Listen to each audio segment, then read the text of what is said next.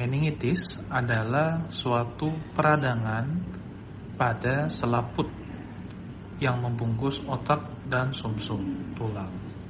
Siapa saja yang bisa terkena meningitis? Sebenarnya semua kelompok usia bisa. Tapi yang lebih rentan terkena adalah orang-orang yang daya tahan tubuhnya lebih kurang seperti orang yang sudah lebih tua atau bahkan anak-anak yang baru lahir yang daya tahan tubuhnya belum terlalu baik. Apa saja gejala meningitis? Gejala meningitis biasanya ada nyeri kepala, demam, dan kaku kuduk atau lehernya terasa kaku. Walaupun bisa juga gejala yang lain seperti tidak sadar, kejang, penglihatan ganda, dan sebagainya. Tapi yang tiga gejala yang tadi adalah yang paling sering dijumpai. Apakah meningitis bisa menular atau tidak? Tergantung daripada penyebabnya. Meningitis itu sendiri kalau yang paling sering di negara Indonesia itu oleh karena kuman TB atau dulu disebut TBC. Jikalau dia terkena kuman TB dan jika memang ada e, masalah di paru-paru terutama apalagi maka bisa menular.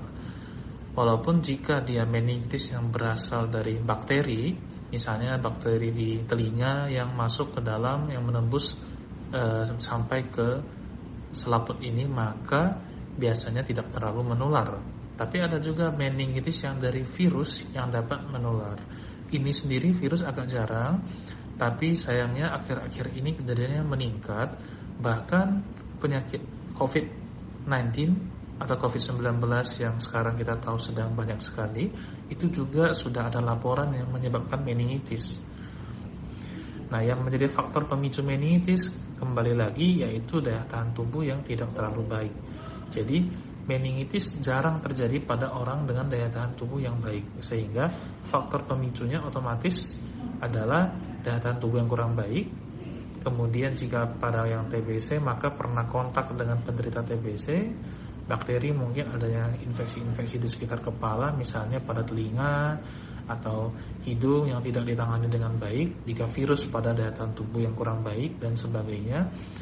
Nah, ini mungkin yang menjadi faktor pemicu meningitis. Nah, bagaimana upaya pencegahan kita agar kita tidak terjangkit meningitis? Maka karena meningitis biasa terjadi pada yang daya tahan tubuhnya kurang baik, maka biasanya kita harus menjaga daya tahan tubuh kita. Jikalau kita sehat, maka agak jarang dapat terkena meningitis. Meningitis juga sering terjadi pada orang yang telah terkena penyakit tertentu yang menyebabkan daya tahan tubuhnya rendah, misalnya penyakit HIV/AIDS. Bagaimanakah pengobatan meningitis? Maka sangat tergantung daripada penyebabnya. Jika dia penyebabnya adalah bakteri, maka obat-obat antibiotik. Jika dia obat e, karena TBC atau TB, maka obat-obat TB. Dan jika dia virus, maka obat-obat virus. Tentu saja juga ada obat-obatan untuk mengurangi efek yang terjadi pada si otaknya, misalnya peradangan, kita berikan anti radang dan sebagainya.